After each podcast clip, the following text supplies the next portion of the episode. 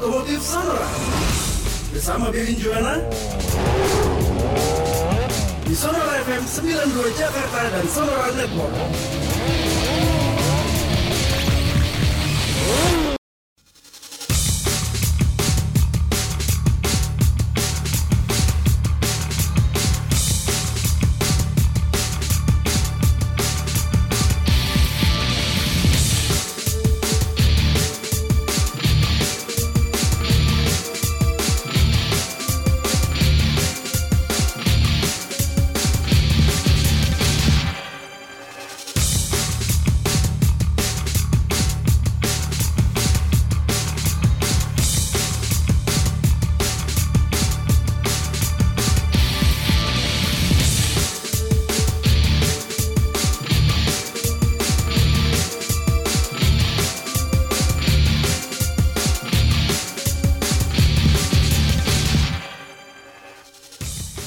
Selamat pagi, apa kabar sahabat Sonora semuanya? Sahabat Sonora di Jakarta, kemudian Purwokerto, Yogyakarta, Surabaya, Lampung, Palembang, kemudian Bangka, Cirebon, Pontianak, Solo, dan kota-kota lain yang tengah mendengarkan via streaming di sonora.id. Apa kabar sahabat Sonora semuanya?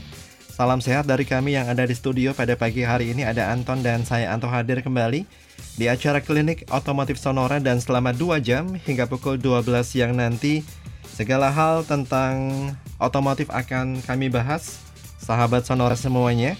Jadi silakan pertanyaan, kemudian komentar, juga sharing seputar otomotif kami tunggu ya di nomor telepon atau nomor WA kami dan nomor Telegram kami untuk WA Telegram 0812 112 9200 0812 1129200 ketik kos kemudian spasi nama spasi usia spasi alamat spasi pertanyaan dan komentar Anda.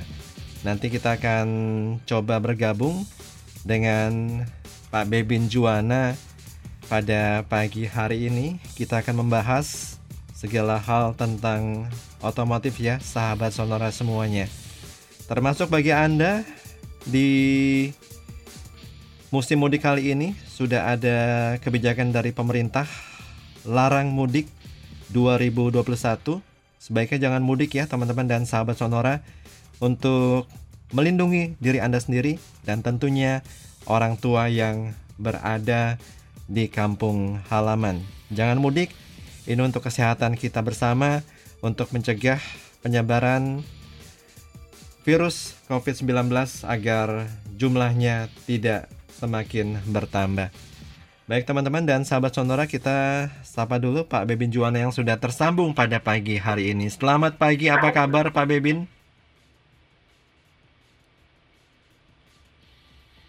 Selamat pagi Pak Bebin. Lagi pasang itu.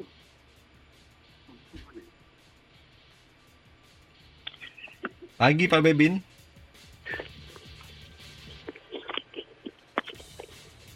Ya, teman-teman dan sahabat Sonora belum tersambung dengan baik dengan Pak Bebin Juwana. Dan jelas pada edisi kali ini kita akan banyak membahas ya mengenai beberapa hal tentang otomotif di acara ini termasuk mengenai kualitas bahan bakar di salah satu SBBU asing yang sudah menghadirkan standar Euro 5 termasuk beberapa hal yang harus diperhatikan terkait dengan kebijakan larang mudik kali ini bagaimana dengan mereka yang tinggal di beberapa daerah penyangga ibu kota untuk menuju Jakarta dan sekitarnya apa saja hal-hal yang harus disiapkan. Tetap bersama kami di acara ini hingga ya kita akan coba sapa kembali Pak Bebin Juwana. Pak Bebin selamat pagi. Pagi, maaf, maaf, maaf. Apa kabar, Pak? Baik. Ini lagi prakarya kecil-kecilan. Wah. Enggak sampai lupa waktu. Aduh. Udah kayak MacGyver saja, Pak ya. Kepinginnya sih. Cita-citanya. Iya. Ini lagi Ini- benahin kunci. Ini selain apa eh, segala hal tentang otomotif yang kita bahas di acara ini, kami juga akan hadirkan penyanyi-penyanyi yang berasal dari Jerman, Pak. Wih. Nah, ini kita tampil beda. Tampil beda. Nah, kos dengan lagu-lagu dari Jerman atau Lagu- hanya penyanyinya dari Jerman? Penyanyinya dari Jerman. Oh iya. Kalau ngomong Jerman kan terkenal dengan otomotifnya Pak ya. Oh iya. Cerita dulu dong Pak mengenai mobil-mobil asal Jerman yang katakanlah masih eksis sampai dengan sekarang. Loh ya mobil Kita sambung-sambungin eh, aja dulu Pak. per- pertama kali saya ke Eropa itu mampir di pabrik Audi Ya. ya Ingolstadt. Kemudian saya eh, waktu itu saya eh, bisa melihat jalur produksinya Audi. Ya. Kemudian saya juga pernah ke pabriknya VW, Oke. ya kan? Pabriknya VW besar sekali, luar biasa. Sampai kalau mau lihat jalur produksi kita naik itu eh, kereta-keretaan kecil itu loh, Ya. kayak di Taman Mini, Tram Pak ya. kayak tram, ah, tram gitu. Itu di eh, VW. Ya. Terus saya juga, eh tapi saya di Mercy nggak ke ini, nggak ke pabriknya. Mm-mm. Saya di Mercy ke museumnya, Ya. museum yang yang apa waktu itu heboh itu loh yang dibangun luar biasa itu. Oke. Jadi perjalanan sejarah Mercy kita bisa lihat lengkap di situ. Mm-mm. Kemudian yang yang bikin apa ya merinding itu ketika dibukakan pintu untuk masuk ke produksinya Porsche, Hmm. Ya kan? Walaupun waktu itu saya sudah dua kali ke museumnya, yang ketiga kali bisa masuk ke pabriknya Porsche. Ya. eh BM BM saya belum belum masuk ke pabrik, tapi museum sudah, Ya. ya kan? Yang sebetulnya menjadi apa ya angan-angan Oke. itu saya baru ingat bahwa di Indonesia kan juga pernah masuk mobil Opel. Betul. Masih ingat Opel Iya. Kadett, Opel apa ko- ko- Komando, Komando, Hmm. Ya itulah gitulah. Op sebelum Blazer, Oke. sebelum Blazer Hmm. yang dulu station itu apa eh, terus ya itulah Opel itu juga dari Jerman. Ya. Waktu saya browsing, loh ternyata nggak jauh dari airport Frankfurt lah kita bolak-balik mendarat di Frankfurt. Kenapa nggak ke Opel Mm-mm. gitu? Mm-mm. Mm-mm. Jadi kalau bicara otomotif ya ya Jerman lah. Kalau bicara teknologinya ya Mm-mm. eh, penemuan banyak sekali penemuan-penemuan teknologi baru di sana. Yang menarik apa Pak? Mungkin bisa diberikan contoh teknologi Menarik kan kendaraan asal Jerman. Seper- seperti contohnya eh, BMW ternyata juga selain dia eh, cikal bakalnya motor, Ya. masih ingat kan motor yang kangkung dulu kan juga BMW gitu ya. Mm-mm. Eh, terus eh, apa? eh, ternyata dia juga bikin mesin pesawat. Oke. Mercedes-Benz juga dulu pernah bikin mesin pesawat. Mercedes-Benz kan juga terkenal dengan truknya, bikin ambulans dan sebagainya gitu ya. Betul. Terus Porsche. Porsche itu kalau lihat sejarahnya ternyata dulu bikin traktor. Porsche.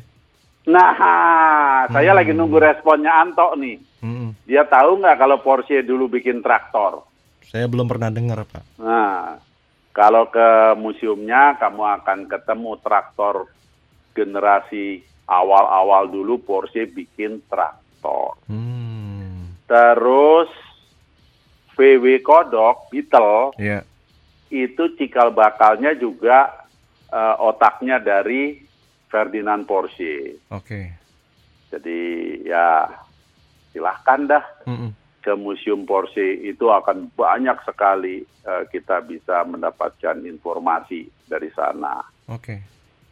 Bukan hanya Porsche yang kita kenal sekarang legendaris 911 gitu Mm-mm. ya.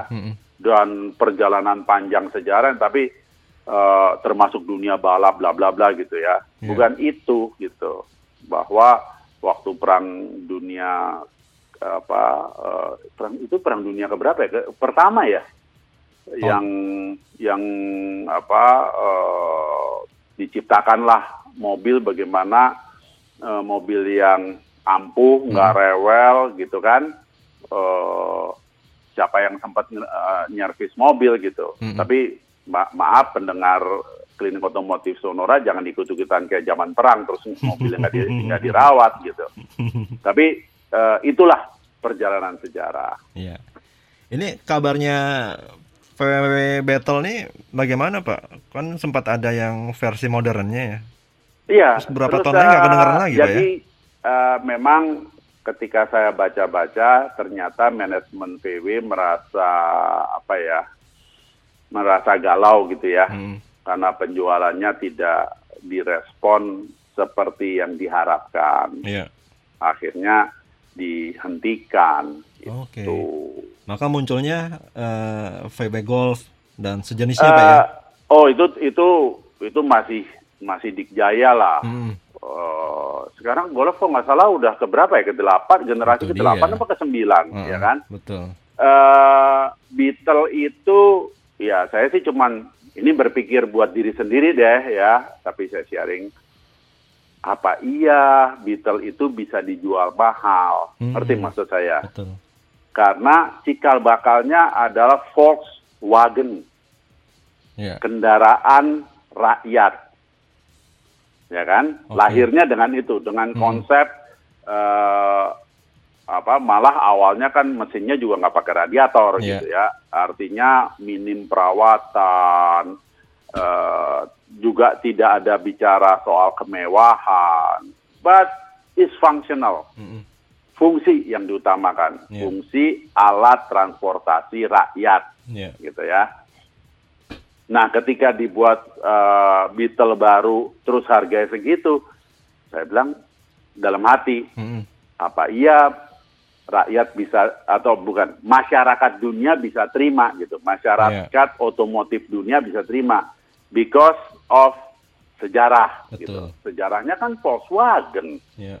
VW gitu ya. Eh, apa iya gitu. Itu saya kait-kaitkan dengan VW Patent. Hmm. Kamu tahu Patent? Pernah dengar Pak? Patent tulisannya P H A E, Python, ya kan? Itu Volkswagen atau VW berusaha membuat mobil sekelas S-Class. Hmm. Hmm, ternyata kan juga kurang berhasil. Betul. kurang berhasil dalam arti begini, toh mobil kalau bicara kualitas udah nggak usah kamu bahas dah, Iya. ya kan? Kualitas, kemewahan, kenyamanan segala itu udah eh, apa eh, orang benchmarknya atau eh, alat bandingnya dia adalah S class ya pasti dia bikin seperti S class dong Iya. kualitasnya kan Betul. kemewahannya, kenyamanannya, segala S-Class ada ini, dia juga kasih ini gitu kan. Bahkan sampai pabriknya dibuat di, aduh nama kotanya apa kalau hilang di kepala. Eh, itu pabriknya itu eh, ini eh, disebut The Glass Factory. Iya. Kamu pernah dengar? Karena dinding dari pabrik itu dari kaca Hmm. alias tidak ada yang disembunyikan, Anda bisa lihat segamblang-gamblang, even dari pinggir jalan. Iya. The Glass Factory. Oke. Saya ke sana tapi kebetulan nggak bisa masuk karena lagi dipinjam untuk di, dipinjam untuk ada acara gitu di bawah. Iya. Dia bilang so sorry, eh, apa mereka lagi ada acara. Jadi saya sedangkan waktu saya mepet-mepet saya nggak bisa tunggu eh, nanti di open jam berapa after lunch apa apa gitulah. Mm-mm. Itu pabrik gila toh. Mm-mm. bener-bener bosnya VW udah top, Oke. ya kan? Saking bersihnya sampai dinding pabrik dari kaca. Hmm. Nah, coba. Kamu kalau Transparan, Pak, ya? gedung, gedung kantor, iya, Hmm. gedung kantor dari kaca aja kamu cuman bisa biasanya saya cuman ini siapa yang ngelapin ya kacanya? Iya. Kan gitu kan toh? Betul, Serius. betul. Ya kan apalagi ini pabrik. Iya. Berarti bisa dibayangkan tingkat kebersihan. Lah pabrik bisa dibikin kayak kamar operasi kan gila lu. Betul, Iya betul, kan? betul, Pak. Nah, itu itu cerita pendek soal PWM. Itu juga eh, dari situ saya banyak belajar. Iya ya, namanya Volkswagen. Iya. Eh, dia bikin branding fashion, mau masuk ke tingkat mewahnya Mercedes. Mm-mm. Kayaknya masyarakat dunia nggak bisa terima. Dan saya nggak tahu di Indonesia masuk nggak ada berapa unit ya yang yang Phaeton. Mungkin ada sahabat yang tahu Mm-mm. Phaeton masuk Indonesia karena saya tahu Phaeton ada setir kanannya. Oke. ya kan? Karena Iya. di Inggris ada Phaeton ada setir kanan. Mm-mm. Saya pernah lihat gitu Oke. ya. Yang Ya itulah kalau kalau apa sekilas tentang Jerman gitu. ya karena saya hobi mobil ya bolak-balik ya kepinginnya ke sana gitu, mengikuti perkembangan gitu. Cuma kalau ngomong soal VW yang sering saya lihat itu Caravelle, Pak ya. Hmm. Terus Tiguan, Caravelle Tiguan juga, penerus kombi ya. Tiguan gitu juga kan. ya kalau nggak salah ya. Apa? Tiguan, Tiguan, Tiguan jalan terus Tiguan jalan terus. sebagai SUV To Touareg kalau nggak salah ya. To Tuareg. Touareg ya tulisannya Aha. ya. Mm, Tau mm, Tuareg. mm, mm, mm, mm. Jadi memang Tuareg progresnya ini nggak mau kalah dengan brand-brand asal Jerman lainnya ya. Nggak Oh iya, di Tuareg Tuareg sukses di Amerika Hmm. diterima Hmm. gitu ya. Bahkan PW khusus untuk pasar Amerika bikin pickup. Oh, oke. Uh, mereka tidak menyebutnya pickup sampai sebagai truk karena Hmm. pickup besar gitu ya. Uh, mereka bikin dan Iya. sukses. Iya. Cuma kalau sedannya apa Pak ya?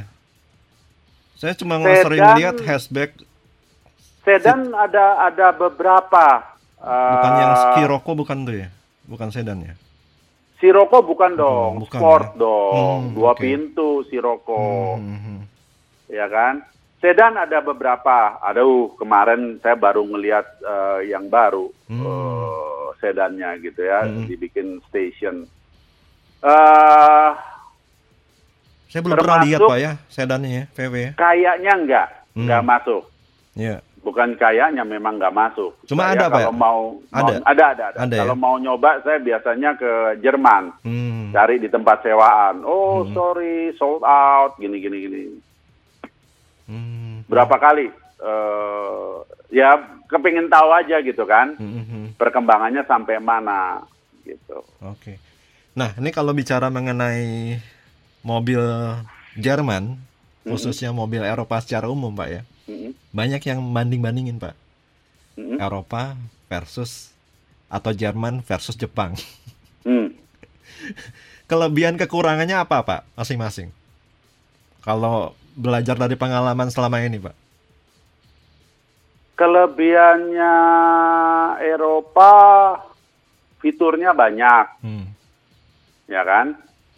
Sebetulnya di Jepang sendiri fitur juga banyak gitu. Oke. Cuman yang masuk ke Indonesia fiturnya minim. Hmm. Jangan tanya saya kenapa, tanya sama yang masih di apa aktif di industri otomotif gitu Hmm, ya. hmm. Dari dulu memang selalu kok ini nggak ada, itu nggak ada gitu kan. Iya.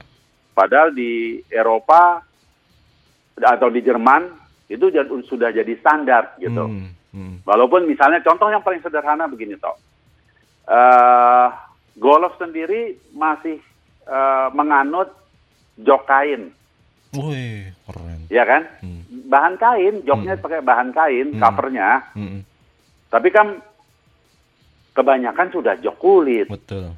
ya kan? Kalaupun, kalaupun kulit sintetis, kita sulit membedakan. Ya. Karena sintetisnya sedemikian rupa kamu nggak berasa duduk di atas plastik. Heeh. Maksud saya ke sana, ya kan? Tapi eh, produsen Jepang di sini kan masih kebanyakan pakai kain, Hmm. Hmm. ya kan? Ya. Eh, padahal saya kan sudah cerita sama kamu. Mm-mm. Saya ke Itali ke ke apa eh, museumnya Ferrari Hmm. sampai ada showroom eh, percontohannya. Saya tanya the most expensive, the most beautiful skin you have mana? Ya, Java skin. oke. Jawabannya Java skin. Hmm, Lah, ini kulit kan dari Pulau Jawa. betul. Yang mana barangnya? Kan kaget. Jelas ya? Mm-mm. Ferrari loh. Itu Iya. kulitnya dari Pulau Jawa. Java skin. Iya. Saya sampai ini sapinya dipiara di gunung mana sih? Karena dia dia nyebutin tuh Iya. kriterianya eh, harus begini begononya tuh eh, disebutin gitu ya. Oke. Eh itu baru baru satu contoh. Nah, nanti contoh lainnya Hmm, nanti, Contoh Pak. yang lain masih banyak. Masih banyak. Hmm. Termasuk soal mesin. Hmm. Nanti kita akan bahas Pak ya, segmen kedua Ya. ya. Tetap Ya. bersama kami di acara Klinik Otomotif Sonora. Pertanyaan, komentar, segala hal tentang otomotif kami tunggu ya di nomor WA atau Telegram kami 0812 112 9200. Sementara yang mau ngobrol, mau tanya-tanya langsung, Anda bisa ketik on air ya eh, di nomor WA atau Telegram. Itu tandanya mau on air di acara ini. Tetap bersama kami hingga pukul 12 siang nanti.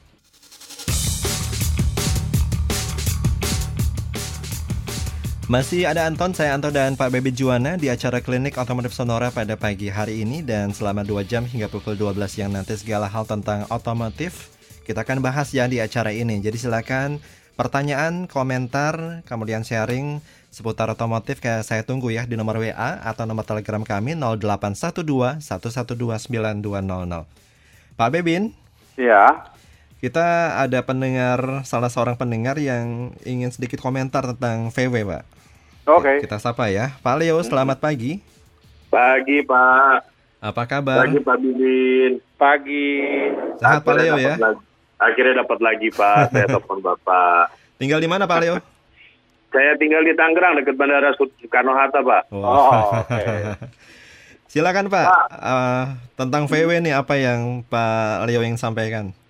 Iya Pak, sebenarnya saya cuma pengen nanya si VW itu sebenarnya mesinnya luar biasa loh Pak ya. Tenaganya Hmm. luar biasa, teknologinya luar biasa. Mm-mm. Cuman permasalahannya kenapa yang masuk ke Indonesia itu nggak ada yang sedan ya Pak ya. Hmm. Adanya Ah. hanya SUV dan hatchback. Sedangkan Iya. Sedannya di luar di luar yang saya yang saya pernah lihat sendiri saya pernah ke Pasar.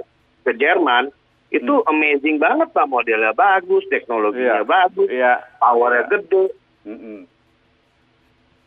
kenapa Eh, ya Pak? saya pikir atau perkiraan saya karena satu pasar sedan kecil di Indonesia Iya. ya. Yang kedua, kenapa pasar sedan kecil? Pernah saya ceritakan bahwa di era tahun berapa ya, 70-an mungkin, itu sedan dianaktirikan. Oh. anaktirikan dengan pengertian begini, pajaknya dimahalin, Oke. ya kan? Hmm. pajaknya dimahalin pada saat itu supaya masyarakat membeli MPV. Ya. oh Makanya pasar MPV di Indonesia luar biasa. Waktu itu MPV diprotek. gara-gara Ya kan? huruf huruf T ya pak Hah? gara-gara huruf T pabrikan huruf T itu udah bukan cuman pabrikan itu doang. Akhirnya kan Oh. semua pada ikut. iya gara-gara huruf T eh, huruf T Iya. dulu kan pak iya, iya, iya, iya. Hmm. ya tapi Jadi ada nggak eh enggak, waktu itu juga ada huruf D. Ah, ingat nggak? oh iya iya iya. Nah, itu dua merintis membuat katanya membuat mobil eh, di dalam negeri gitu kan. Modelnya masih jelek banget, masih kotak gitu kan.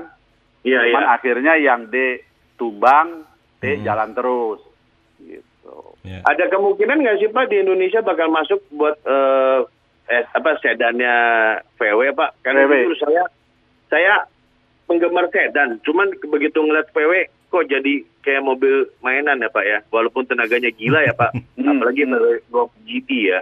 Hmm, hmm. GTI. Iya GTI. Hmm, hmm.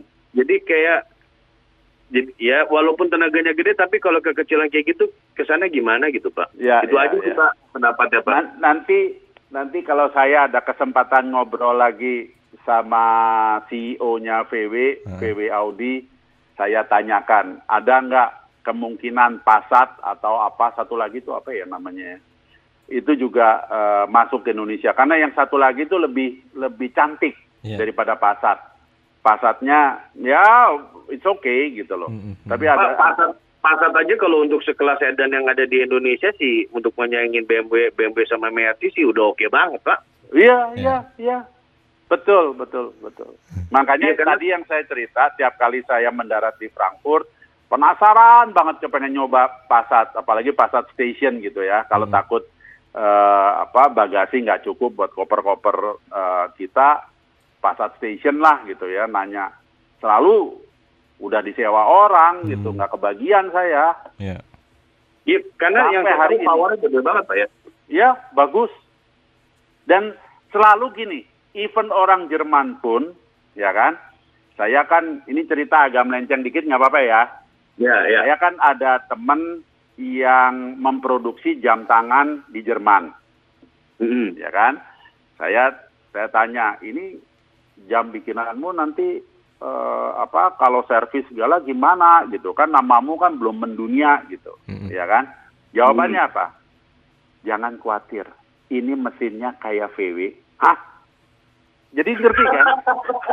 Kalau soal keawetan dipakai patokannya seperti Volkswagen dia bilang. Hmm. jadi movementnya jam tangan ini kayak Volkswagen katanya. Jangan khawatir sampai kamu bosen itu jam tangan juga katanya nggak nggak akan nggak akan apa eh, rewel. Nah pak, Gitu. ada tambahan lagi pak. Eh, Hmm. Teman saya punya PW PW PW Go pak, tapi yang bukan yang GT pak, yang masih Hmm. Yang Pak. biasa. Hmm. Ya, yang satu empat pak. Nah, Hmm. problemnya itu benar nggak sih pak? Itu selalu di eh, water pump ya pak ya? Karena karena setiap sepuluh ribu katanya harus ganti, termasuk Tiguan yang TSI juga. Hmm. Wah, ini saya baru dengar. Termasuk saya harus tanyakan langsung ke VW nih. Hmm. Iya, jadi kalau Sepuluh setiap ribu water pump.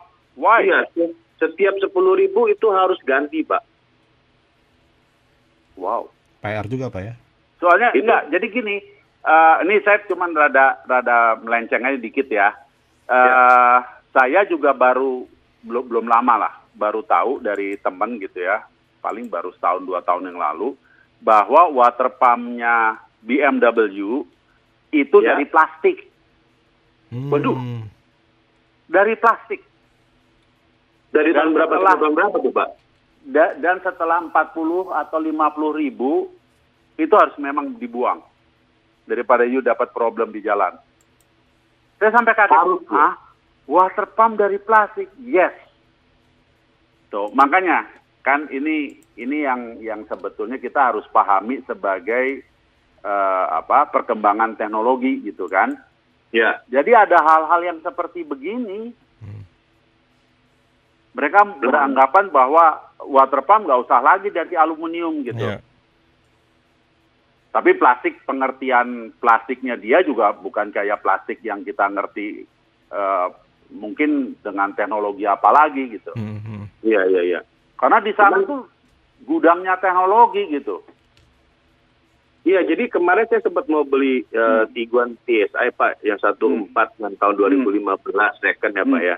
Hmm. Cuman problemnya begitu saya nanya teman-teman yang udah pakai, dia bilang lu harus siap-siap tuh setiap 10 ribu, lu harus Hmm. keluar duit itu kurang lebih kalau di bengkel resmi VW itu sekitar Hmm. 5 sampai 8 juta. Hmm. Hmm. Sedangkan kalau di aftermarket, Hmm. maksudnya di, di, di toko spare part yang lain, Hmm. itu tiga setengah sampai empat setengah. Oke. Itu harus setiap sepuluh ribu. Sampai saya bilang, jadi itu bukan masalah oli sama transmisinya, enggak, itu doang. Hmm. Karena kalau itu Water mampet, pump. kalau Hmm. dia water pumpnya mati, Hmm. radiator radiator panas, ya jebolnya ke mesin kan dia Iya. bilang. Iya iyalah, iyalah mobil apa pun begitu water pump bermasalah amburadulnya ke mana-mana. Hmm. Iya kok itu apakah itu gara-gara memang VW diciptakan buat um, four season Pak, bukan buat di Indonesia makanya No no no no no no, mestinya sih uh, ada jawaban yang yang lebih logis. Oh. Ada jawaban. Kan dia kan jualan jualan VW kan bukan cuma di Eropa, Betul. bukan cuma di Amerika atau Kanada. pasarnya dia Hmm. di Amerika Latin yang panas kayak begitu juga lumayan. Jalan. Dia juga jualan di Afrika dan dan Middle East Hmm. yang Tapi temperaturnya kalau musim panas bisa sampai 47 derajat. Iya, tapi kenapa di Indonesia kayak gitu ya? Nah, itu yang nanti akan saya tanya. Ini eh, saya janji lah, itu PR saya lah. Iya. Jadi, Siap, siap. apakah eh, sedan VW masuk? Hmm. Walaupun ini masih mimpi jangka panjang, kita tanyain, gitu kan. Iya. yang kedua, kenapa water pump 10 ribu? Yang Hmm. saya tahu di BMW 40-50 ribu. Iya. oh, oke. Hmm. Ah, iya Pak, sorry Pak. BMW itu eh, semua varian atau hanya yang sedan aja Pak? Eh, water pump hampir semua varian yang saya tahu. Karena gini, seri 5 teman saya yang tahun tahun berapa ya? Eh, E60. 2000-an. 2000 ah, seri 5, Hmm. seri 5 tahun 2000 Iya, ya. E60. Heeh. itu sudah. Jadi waktu dia jual ke temennya, temennya langsung, nih gue mesti beli water pump nih, Hmm. gitu. Emang kenapa water pump? Belum belum bocor, belum rusak. Eh, itu plastik ya, katanya gitu. Hmm. Kalau kilometernya belum sampai pun, ini kan udah berapa tahun di mobil, Iya. gitu. Oke. Oh. Cukup Pak Leo? Cukup cukup. Thank you, thank you. Thank you Pak. Ah, nanti nanti saya saya carikan informasi. Ya. Eh, Siap. tiap kali ada klinik otomotif Sonora, nguping aja. Iya. Terima Iya, kasih. Pak. Saya pasti online terus Pak kalau untuk Ya. klinik otomotif Sonora. Thank you Pak Bibin. Terima kasih Pak Leo, salam sehat, salam buat keluarga. Ini tadi Pak Leo sempat menyebut water pump Pak ya. Hmm. Itu water pump kalau cepat rusak biasanya apa sih Pak? Apa karena apa? Lo enggak, ini kan sekarang begini. Coolant-nya nggak berkualitas tuh No, gimana no, Pak? no, no, no, no. Sekarang kan eh, plastik itu sudah dari engineering kan sudah ada lifetime-nya, Hmm. ya kan? Hmm. Kan udah dibuat dari plastik. Iya. Ini kan saya kan mesti konfirmasi kalau si VW ini pakai bahannya apa, Oke. terus eh, engineering ininya apa, eh, aturan engineeringnya seperti apa gitu. Oke. Jadi eh, bukan karena ya masa iya kamu sudah pakai mobil Jerman terus nggak pakai coolant kan ya kebangetan Hmm. gitu kan. Hmm. Kan itu kan sudah ketentuan yang jangan di Bantah. jangan ditawar menawar Hmm. gitu. Kalau di luar mobil Jerman Pak? Yang pakai bahan yang begitu-begitu, saya Hmm. belum belum belum pernah ini, Hmm, hmm, belum pernah apa eh eh, tahu ada Hmm. yang begituan nggak gitu. Cuma kalau gejalanya water pump itu harus diganti apa sih Pak? yang umum gejala water pump diganti adalah netes, mulai Netes? rembes, Hmm. nah, dan apa eh, tanda-tanda awalnya seperti itu.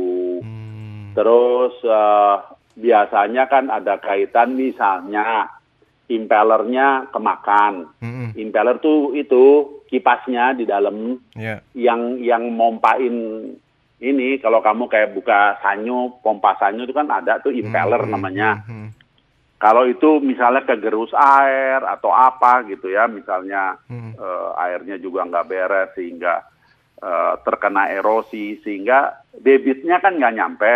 Ya. Nah, debit nggak nyampe kalau kamu lari 60 masih aman gitu ya. Hmm, Tapi kalau kamu kena macet atau kamu lari 120, temperatur naik gitu. Hmm. Nah, ini kita mesti ada ada ada urusan sama pompa air nggak ya? Hmm, Atau hmm, apa nih gitu. hmm. Cuma nggak nggak ada hubungannya dengan timing belt yang juga harus diganti gitu ya Pak ya? Enggak, enggak, enggak. Oh, Oke. Baik. Itu itu jadwalnya sendiri lagi. sendiri lagi. Baik, kita kembali mengenai mobil Jerman versus mobil Jepang, Pak.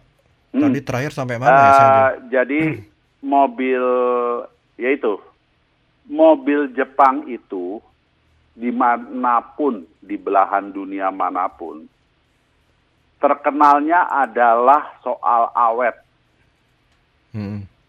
ya kan? Awet eh, mungkin juga karena simpelnya, nggak nggak aneh-aneh, Hmm. gitu, basic, eh, mudah dirawat, Ya. ya kan?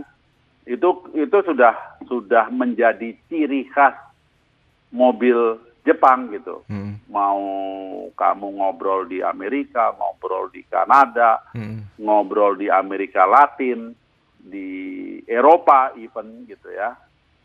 Kadang kita kan di Eropa kan kadang-kadang kan, wih, Jerman kan negara mobil. mm, mm, mm. Tuh ada yang pakai Toyota tuh, Betul. ya kan? Ketemu di Autobahn tuh pakai Toyota gitu ya. Mm, Eh, cocok untuk eh, apa namanya eh, pemilik kendaraan yang nggak mau rewel mm, mm. dan kebutuhannya simpel.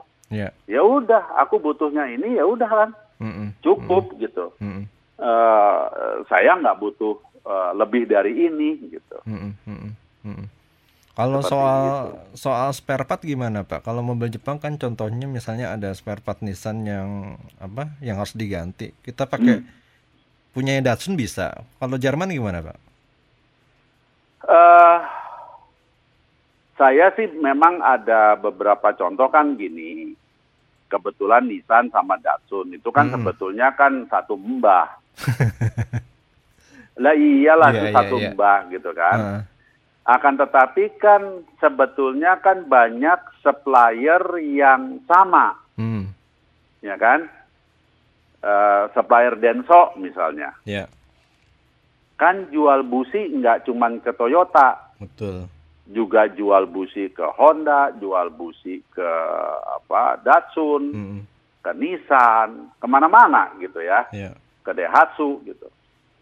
Sehingga eh, sering kali kan hanya dibedakan tipe gitu. Hmm. Nah, montir-montir yang cerdik gitu. Ah, busi ini bisa kok dipakai, dratnya sama, panjangnya sama gitu. Iya, Ya kan? iya. Mungkin spesifikasinya beda dikit, tapi bisa dipakai gitu. Mm, kan uh, banyak hal yang seperti itu gitu ya.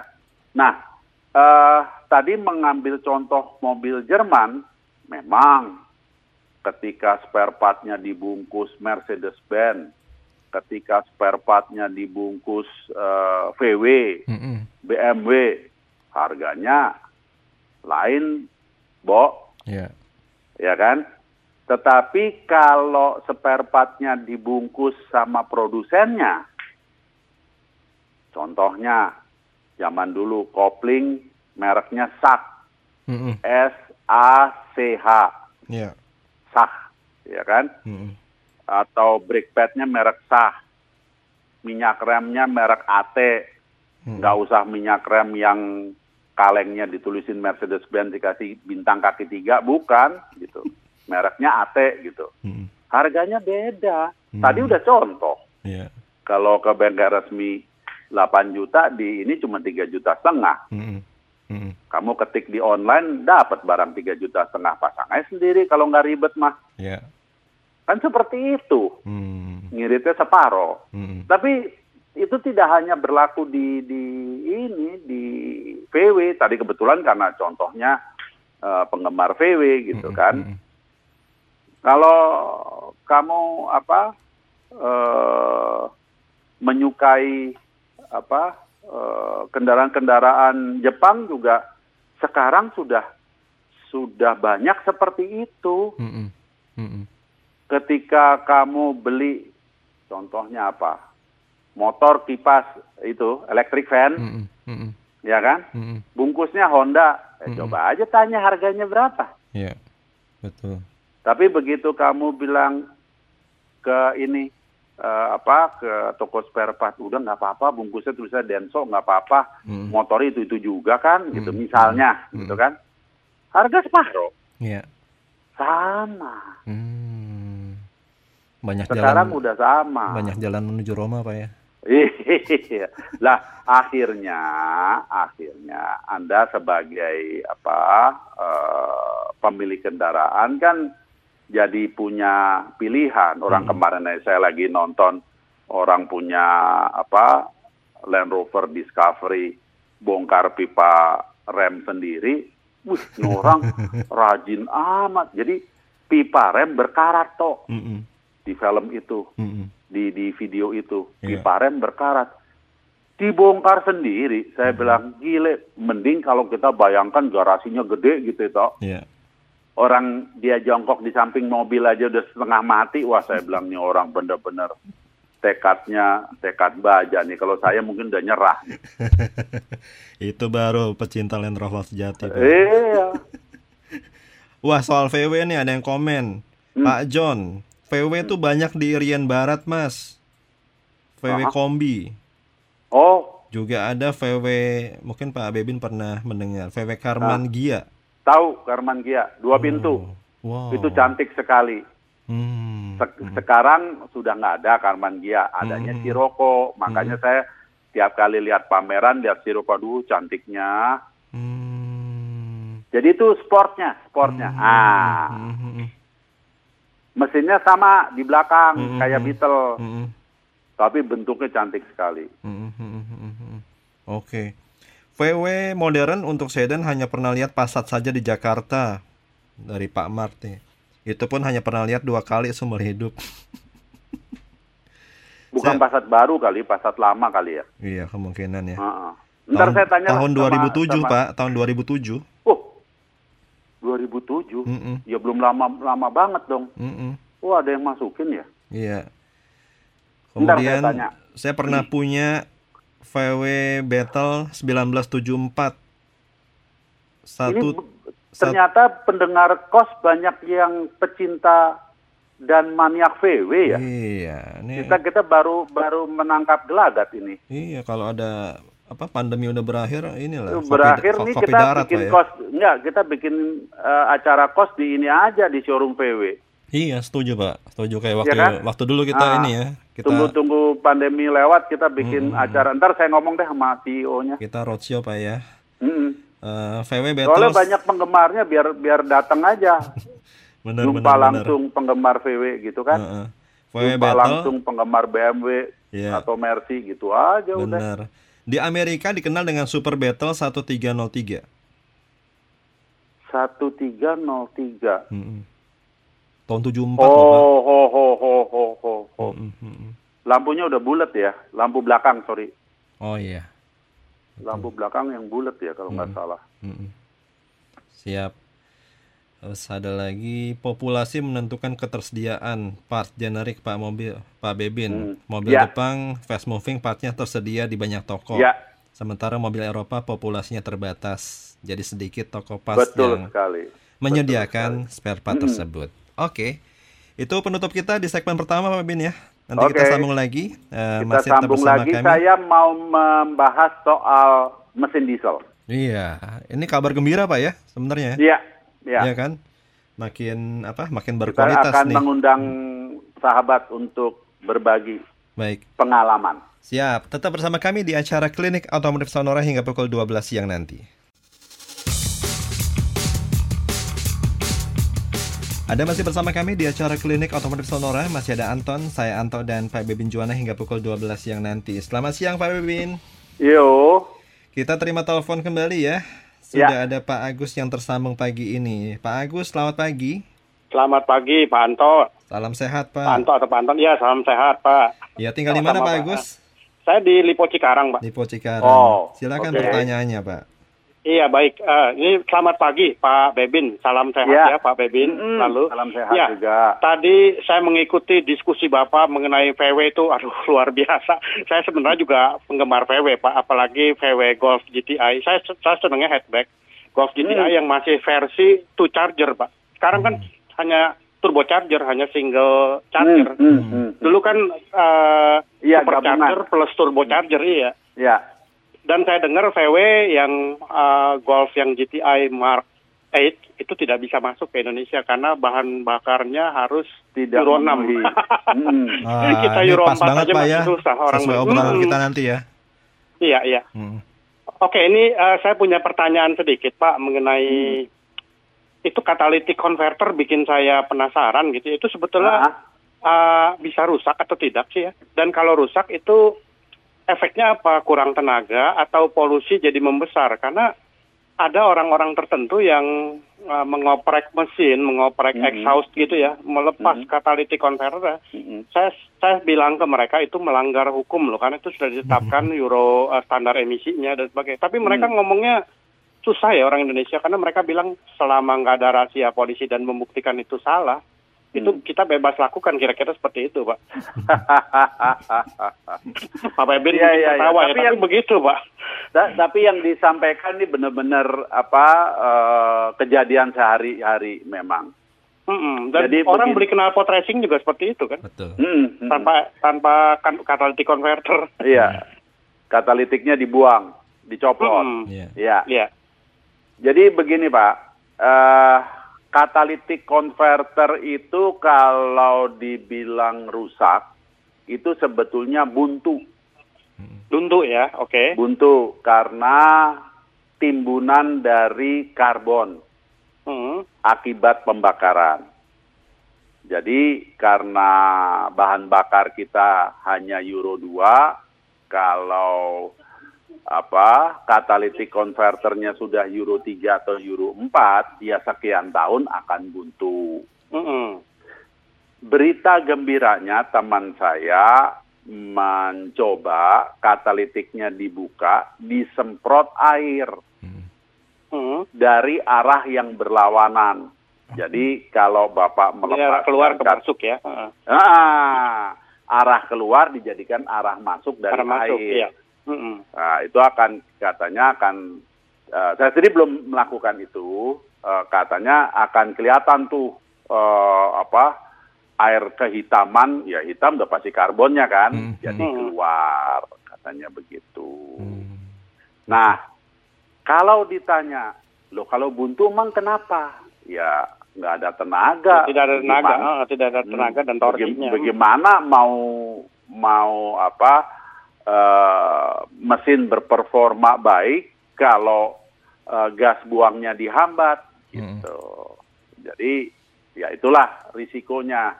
Makanya saya beberapa kali menyampaikan, aduh kepingin banget gitu, minimum kita tuh Euro 4, minimum jelek-jeleknya Hmm. gitu. Sehingga katalitik juga nggak cepat buntu, ya kan? Kita tidak mengotori udara dan mesin yang eh, apa lebih modern sudah bisa dipakai gitu. Hmm. Kalau Ya, tapi- sekarang Heeh. mesin Euro 5 dibawa ke Indonesia, kemudian diisi bahan bakar kita, ya sebentar juga sudah buntu ya. Hmm. Hmm. udah rusak semua. Iya, Sensornya bingung ini bahan bakar apa yang kamu kasih gitu. Hmm. Hmm. Hmm. Tapi, Inilah. Pak, eh, mm, saya sedikit eh, beropini ya. Masalahnya Hmm. kalaupun Euro 4 masih tertinggal dari banding Eropa ya sudah Euro 6. Mhm. Kita BBM-nya di Indonesia yang tersedia dengan eh, standar Euro 4 tuh hanya Pertamax Turbo plus satu lagi ada lagi yang baru nih eh, Shell eh, V-Power Nitro. Hmm. Nah, sekarang masalahnya berapa banyak orang yang mau mengisi BBM seperti itu, Pak? Ya. Nah, permasalahannya kan sekarang di Halo Pak Bebin. Wah, Pak Bebinnya terputus, Pak Agus masih tersambung. Kita coba sambungkan kembali ya dengan Pak Bebin Juwana. Oh iya, yang iya, Pak. Tadi banyak sekali menjelaskan mengenai catalytic converter. Apakah mengalami kerusakan Pak Agus? Enggak, saya cuma penasaran saja, Pak. Masalah ada orang yang sukanya mengoper, mengoprek eh, kenal eh, engine, knalpot gitu ya, dibuang saja gitu. Hmm. Saya herannya kok bisa kalau mobil Jepang kok bisa dibuang nggak bisa ini ya nggak nongol cek engine cek eh, ini apa lampu cek engine-nya gitu. Hmm, hmm, hmm, hmm, hmm. Ini kan padahal apa ya fungsinya kan sangat-sangat baik Pak ya untuk Pak, udara iya, yang lebih vital, bersih. Betul, betul, betul sekali, Iya Pak. kan? Eh, biar lebih ramah lingkungan dan lain sebagainya. Cuma banyak Iya, sekali iya. orang yang tidak mempedulikan fungsi catalytic Betul, converter betul ini sekali, ya. Pak. Ah, ah. sangat betul seperti itu. Orang Indonesia masih seperti itu ti- tingkatnya nggak Iya, seperti Eropa. apalagi Pak. mereka yang suka modifikasi mobil itu biasanya yang namanya Tapi ngopreknya juga tanpa metode yang benar, Pak, Mhm. tanpa bimbingan teknis yang benar. Kalau Iya, di iya. Eropa tuh saya lihat bengkelnya Magneti Marelli Mm-mm. itu benar-benar mengikuti standar itu semua. Jadi nggak Iya. bisa kita. baik Enaknya aja gitu. Hmm. baik Pak Bebin Ya, sudah tersambung ya. Oh, udah tersambung. Oke, oke. Ah, ah. Jadi Oke, ya yang Pak Bebin. Ha. yang unik di negara kita standar euro itu kan dikaitkan dengan eh, nilai oktan. Mm-mm. Nilai oktan. Iya, Kalau nilai di oktan. luar sana standar is standar. Artinya apa? Kamu mau pakai apa oktan 87, kalau euro 5 ya euro 5. Iya. Itu yang saya alami di luar tuh begitu. Mm-mm. Hmm, hmm. Di Eropa juga sama. Mau pak apa mau ngirit, mau pakai apa oktan 87 Mm-mm. atau 92 gitu kan. Iya, iya. Tapi 87 atau 92 sama-sama euro 5, bukan bukan euronya diturunin. Mm. Betul, betul. Tapi Nah, masalahnya eh, eh, eh, pakai eh, di sini tuh standar apa eh, oktan itu harusnya dikaitkan dengan perbandingan kompresi, Pak. iya Hmm. Harus diatur itu itu. Hmm. perbandingan kompresi, terus eh, apa jenis mesinnya, ya kan? Mobil Iya, iya. kita seperti apa? Itu terserah mau pakai Hmm. mau pakai oktan berapa, monggo aja Hmm. gitu kan. Mm. Tetapi semua bahan bakar adalah Euro 4 atau Euro 5 atau Euro Euro 5, 6 ya. Hmm. gitu. Iya. Masalahnya di kita kan enggak. Oh kalau mau pakai Euro 4 eh, Pertamax turbo, ya ampun. Mm.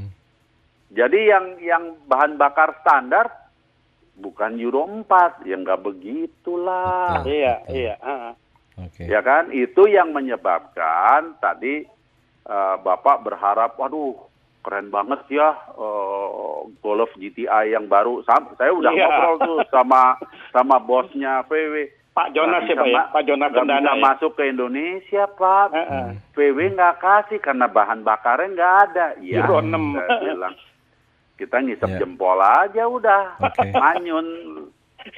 Nah, maksud saya kalau negara kita bisa ngikutin bahan bakar dunia, maka tadi saya bilang mau empat, mau lima gitu kan. Kalau empat saja itu mesinnya tuh masih eh, lumayan gitu. Iya. Masih banyak Ya, ya. mesin-mesin yang yang yang apa? Yang eh memak tersedia Euro 4. Walaupun VW Ya, udah ya. nggak mau, ya kan? Gara Hmm. dia sekarang Gara-gara kenceng, ya, ya? kenceng banget gara-gara Dieselgate. Pokoknya gua cuman pakai mesin Euro 6 dah titik dah daripada di diributin lagi gitu kan. Heeh. Nah, itu. Tapi kalau bisa Euro 4 aja atau Euro 5, wah Euro 5 mesinnya segambreng. Mm. Banyak banget pilihannya. Jadi mo- mobil-mobil yang dengan dengan mesin yang keren itu pasti ini dan jangan bilang mobil saja. Motor juga sama. Iya, be- betul, betul. Jadi sedihnya kita karena belum juga memberlakukan Euro ya minimum 4 lah Mm. gitu ya. Eh, ya masih masih terkendala ya kita kebagian mesin-mesin yang yang apa bahela Iya. Iya, Mesin benar, lawas. benar. Mesin lawas, betul. iya mesin lawas performa juga ini efisiensi juga jelek Betul, heeh.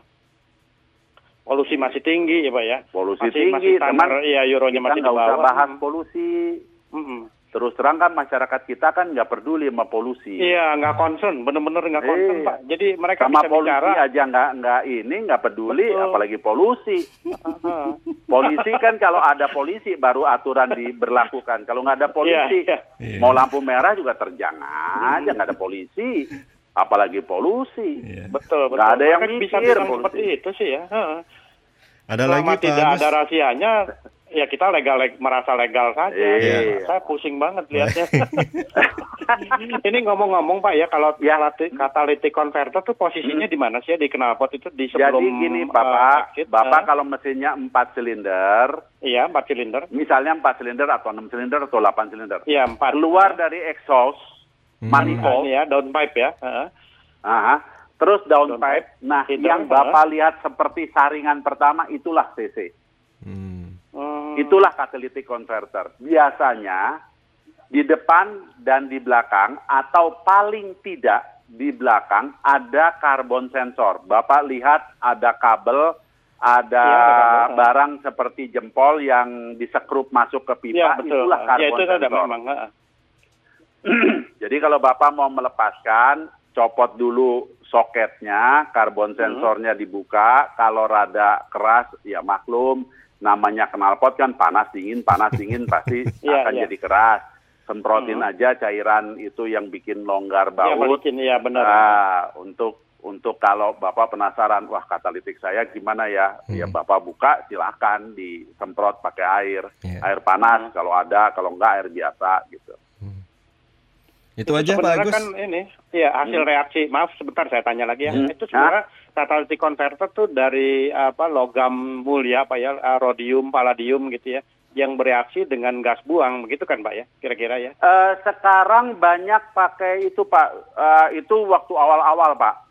Hmm. Sekarang lebih banyak pakai seramik, oh seramik Hmm. oke seramik, seramik. Jadi seramiknya seperti batu apung, berpori-pori Hmm. oke halus. oke berpori ya oke ya. Hmm, mungkin hmm, menyerap berpori-pori halus. gitu ya. Hmm.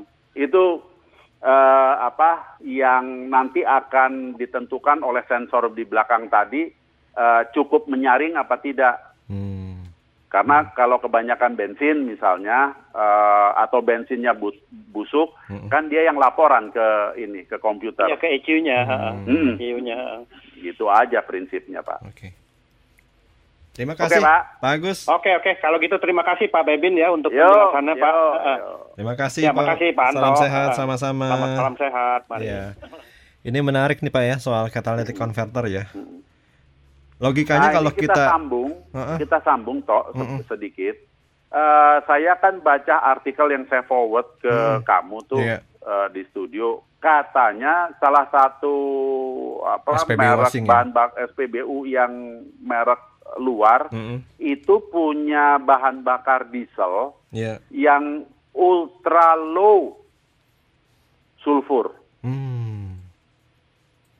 Standar apa Sulfurnya tuh Pak? tinggal 10% katanya. Iya. Nah, kalau sulfurnya apa tinggal 10%, mobil diesel Euro 5 bisa dong dipakai. Oke. Itu berita gembiranya. Iya, kalau iya, iya. benar itu benar eh, sulfurnya hanya 10%, Hmm, hmm, hmm. 10 ppm, Iya. ya kan? Nah, eh, kita mengundang sahabat ini karena ini ini penting sekali gitu karena ini sebetulnya sudah lama diharap-harapkan oleh eh, apa teman-teman yang punya eh, kendaraan diesel modern Mm-mm. ya kan Eh, berarti kalau begitu kan sudah bisa pakai eh, Euro 5 Hmm. Nah, mungkinkah ada sahabat klinik otomotif Sonora yang sudah mencoba dan ya memang dieselnya diesel modern gitu loh, Betul. ya. Eh, supaya berbagi dengan kita, betul-betul mau digas, mau diapain juga tidak berasap. Mm-mm. Intinya kan itu, kalau sulfur udah rendah sekali. Karena diklaim eh, sudah di bawah 100 loh. Oke. Sementara Pertadex aja itu masih 450. Hmm. Ini kan rata-rata mobil-mobil SUV Pak ya? Ya apa pun, Apa pun. apa pun. Mm-mm. Kan si BMW kan ada seri 520D. Mesin Oh, dieselnya dipasang di oke. sedan. Iya, iya, iya, iya. Iya kan? Iya. Jadi jangan dibatasin apakah mobilnya SUV. Enggak. Mm-mm. Pokoknya mesinnya mesin sedan modern, eh, sorry sedan modern, mesin diesel modern, ya kan? Mm-mm. Eh, dan memang tidak ada masalah dan tidak ada asap. Hmm. Cuma yang sudah beredar di Indonesia udah warawiri merek dan varian apa saja Pak yang udah kompatibel dengan dieselnya Euro 5 ini? Eh sekarang ini kan diesel menjadi ini, menjadi momok. Iya. Karena ya tadi Pertadex saja hanya 450 ppm. Mm-mm. Kalau sudah Euro 5 nggak bisa dikasih 450 ppm. Iya. Itu eh, sensor akan nyala semua itu, Mm-mm. ya kan?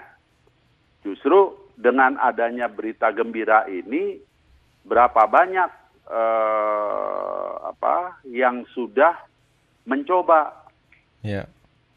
Nah, kita tinggal tinggal cari tahu yang sudah mencoba ini kendaraannya mesin dieselnya ini eh, ikuti standar Euro berapa kan kita bisa tanya maaf APM-nya kan? Betul. Termasuk yang kita terakhir ngobrol dengan teman-teman dari Isuzu MUX itu? Oh, itu dia masih Masih. masih Euro 3 rasanya. Oh. Enggak enggak maksudnya mereka kalau memakai bahan bakar ini eh, ya pasti aman gitu kan. mm-mm, Tapi mm-mm. kan tidak melihat kelebihannya cuman mungkin akan merasakan mahalnya saja gitu. Mm-mm, mm-mm. Oke. Cuma Nah, kalau yang Pak Bebin, diesel, Hmm, mm-mm. Pak Bebin rasakan ketika mencoba mobil-mobil di Eropa, Pak ya, Hmm? dengan menggunakan bahan bakar dengan Euro 5 Heeh, itu baunya beda Oke. dan mau dibejek kayak apa pun nggak ada asapnya. Hmm, Itu. Oke. Jadi Sangat-sangat. mau mobil apa mobil mesin diesel bisa lari 250 260 Mm-mm. dengan mudahnya itu nggak ada asap sama sekali. Iya. Dan kalau sedang idle gitu ya, misalnya kita apa oh cuman di rest area minggir sebentar cuman mau beli apa kopi tanpa matiin mesin itu baunya beda. Hmm, Oke. Yang jelas nih kabar gembira Pak ya. Jadi kalau teman-teman Hmm, dan jadi sahabat kita Songan sudah kepengen tahu apa iya benar Mm-mm. eh, PPM-nya serendah itu dan bagaimana merasakannya, Ya. bagaimana pengalamannya. Pengalamannya. Kita buka buat eh, teman-teman yang penggemar diesel gitu. Baik. 0812 1129200. Kita break kembali Pak. Oke. Tetap bersama kami di acara Klinik Otomotif Sonora.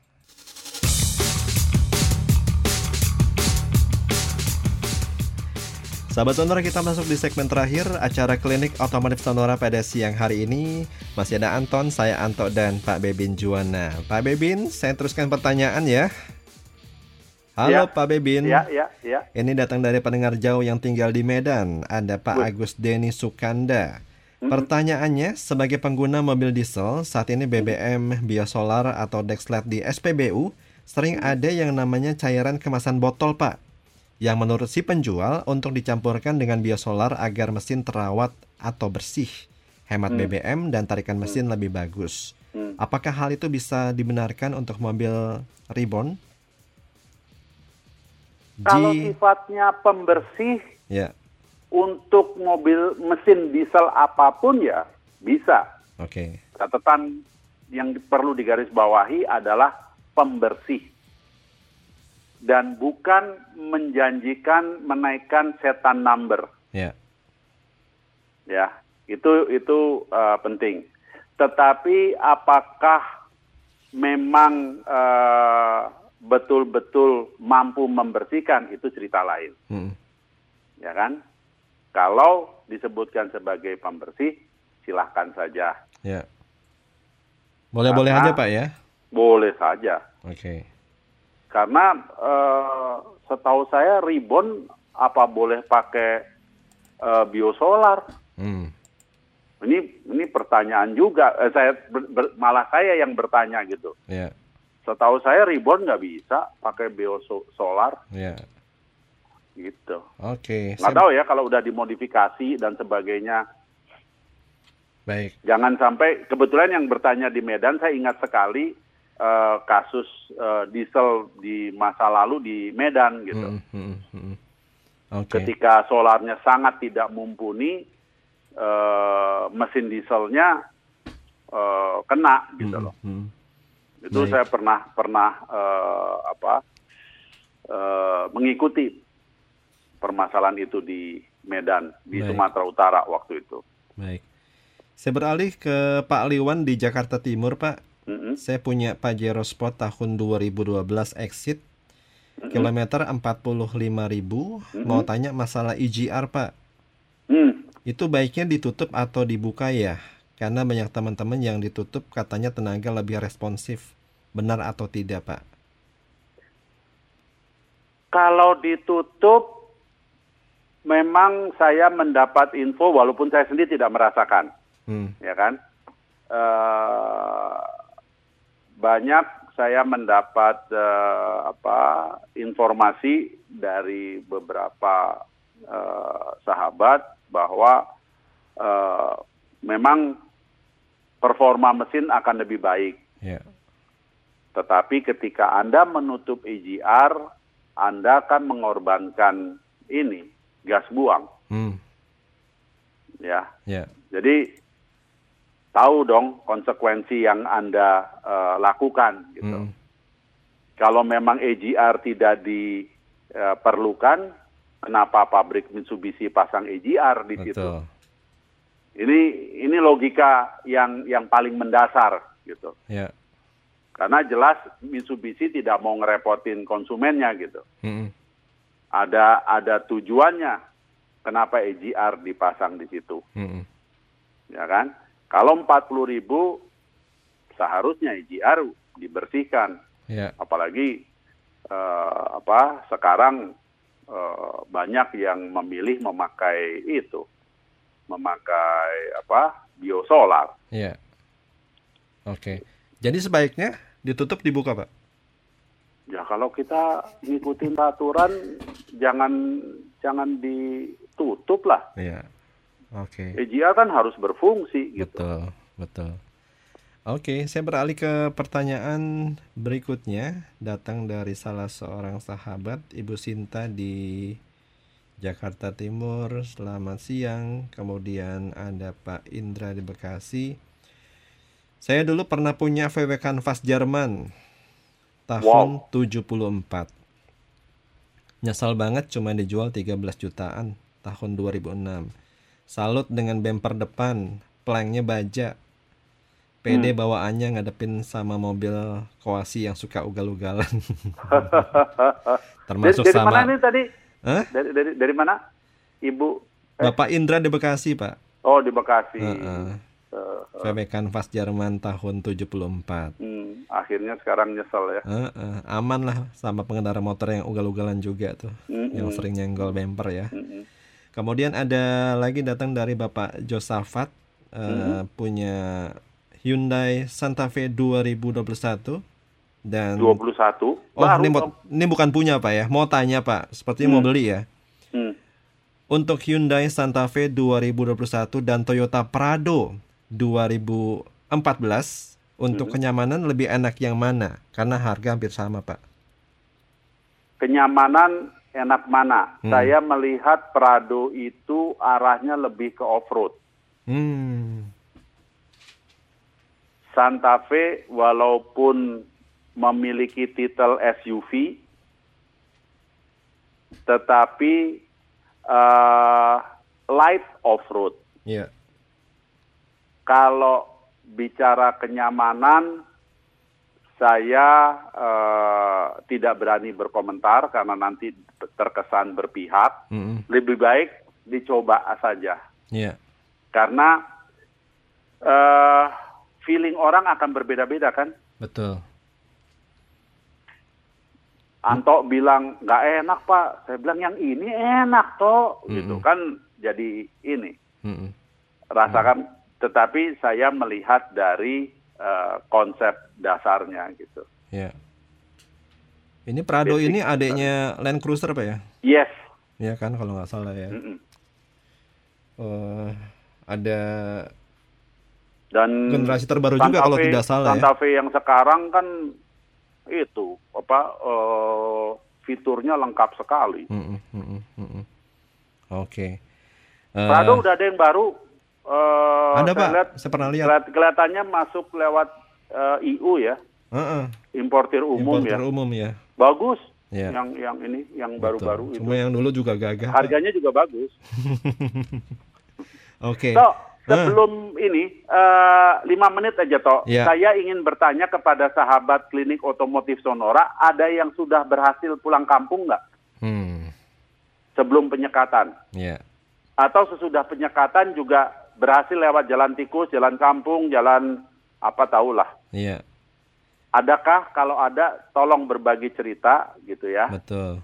Eh, termasuk berbagi cerita kalau apa dimungkinkan, kenapa sih harus mudik gitu? Mm-mm, mm-mm, mm-mm. Karena kan kondisi sekarang ini kan eh, kondisi yang sedang tidak wajar. Betul.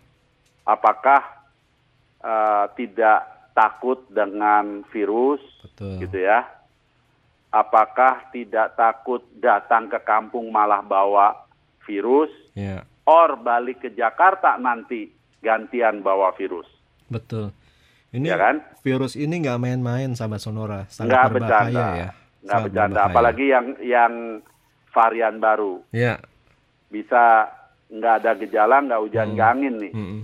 ambruk. Apalagi Ya kan? bagi Anda Maka- yang punya penyakit komorbid itu sangat-sangat berbahaya, sahabat Sonora. Makanya kalau yang sudah berhasil, kalau boleh berbagi, kenapa sih Mm-mm, mm-mm. harus mudik? gitu. Kan saya banyak sekali eh, mendengar komen dari teman-teman, banyak yang memaksa mudik. Udah gitu. dua tahun pak belum pul nggak pulang. Nah, dan merasa kudu Mm-mm.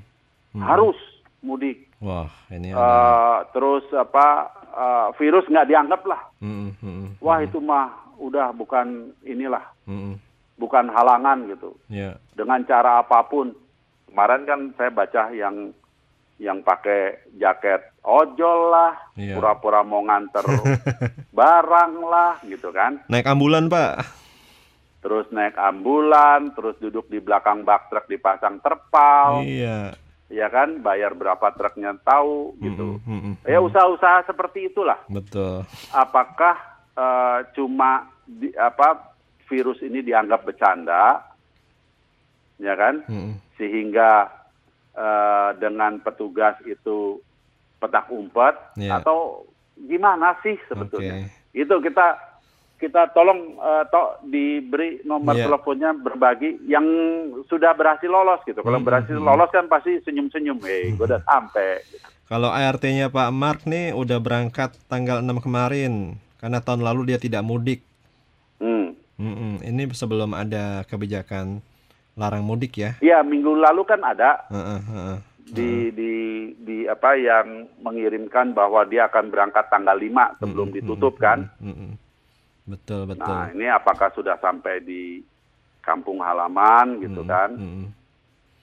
Apa yang begitu mendesak sehingga eh, apa istilahnya COVID ini diabaikan? Iya.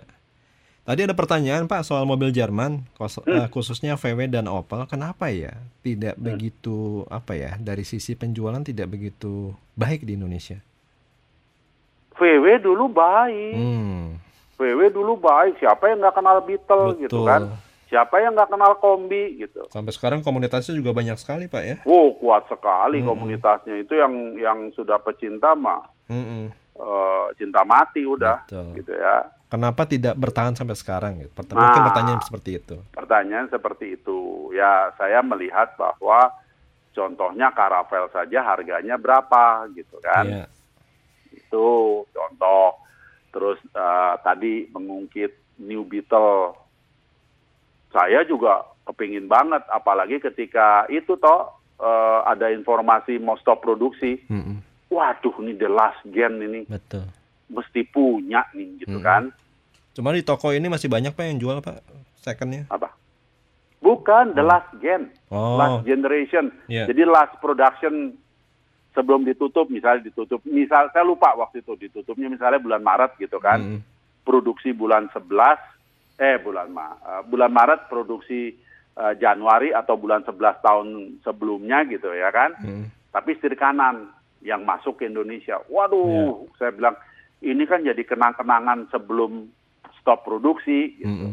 Saya mm, pernah terbayang seperti itu. Iya.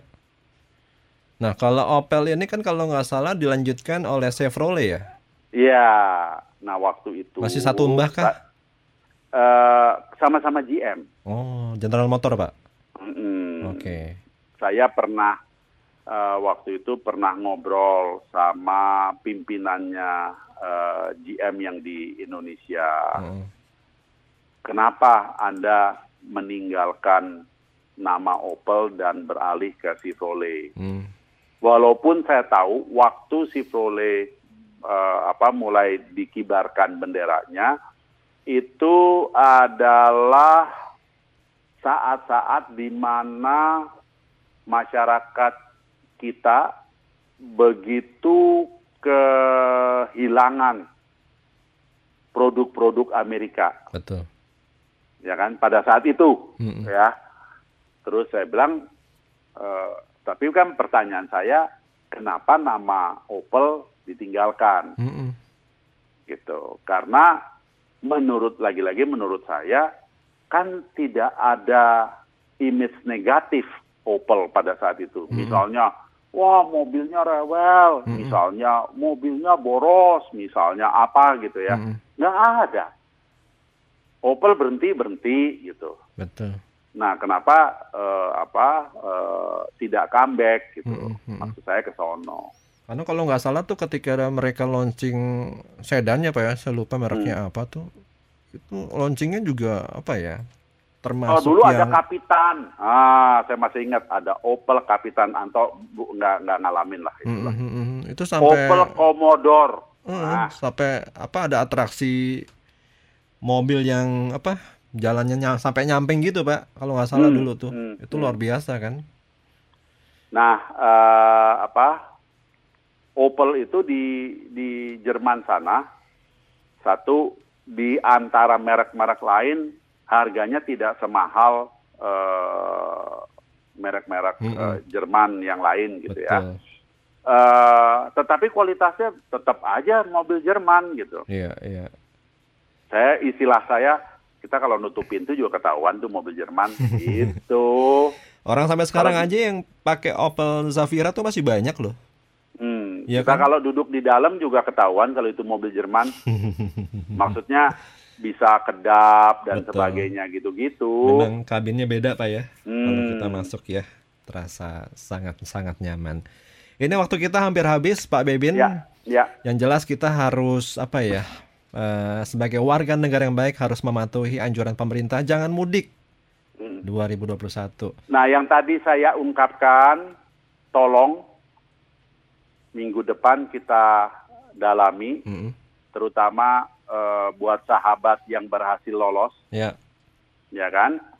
Terus yang tidak eh, apa pada akhirnya mematuhi untuk tidak mudik, apa yang dilakukan ya, dalam kaitan eh, ya kendaraannya diapain sih? Gitu. betul. apakah yang selama ini tidak sempat menjadi apa disempatkan dan Mm-mm. sebagainya. Mm-mm. Terus apa-apa saja sebetulnya yang bisa kita lakukan Ya, selama liburan ini betul. supaya apa eh, kendaraannya terpelihara dengan baik. Ya. Terima kasih Pak Bebin. Oke, Salam kita sehat. pasti jumpa lagi minggu depan dengan topik-topik yang lebih hangat. Terima kasih, salam sehat, salam buat keluarga di rumah. Kita kembali lagi akan hadir pada hari Sabtu yang akan datang.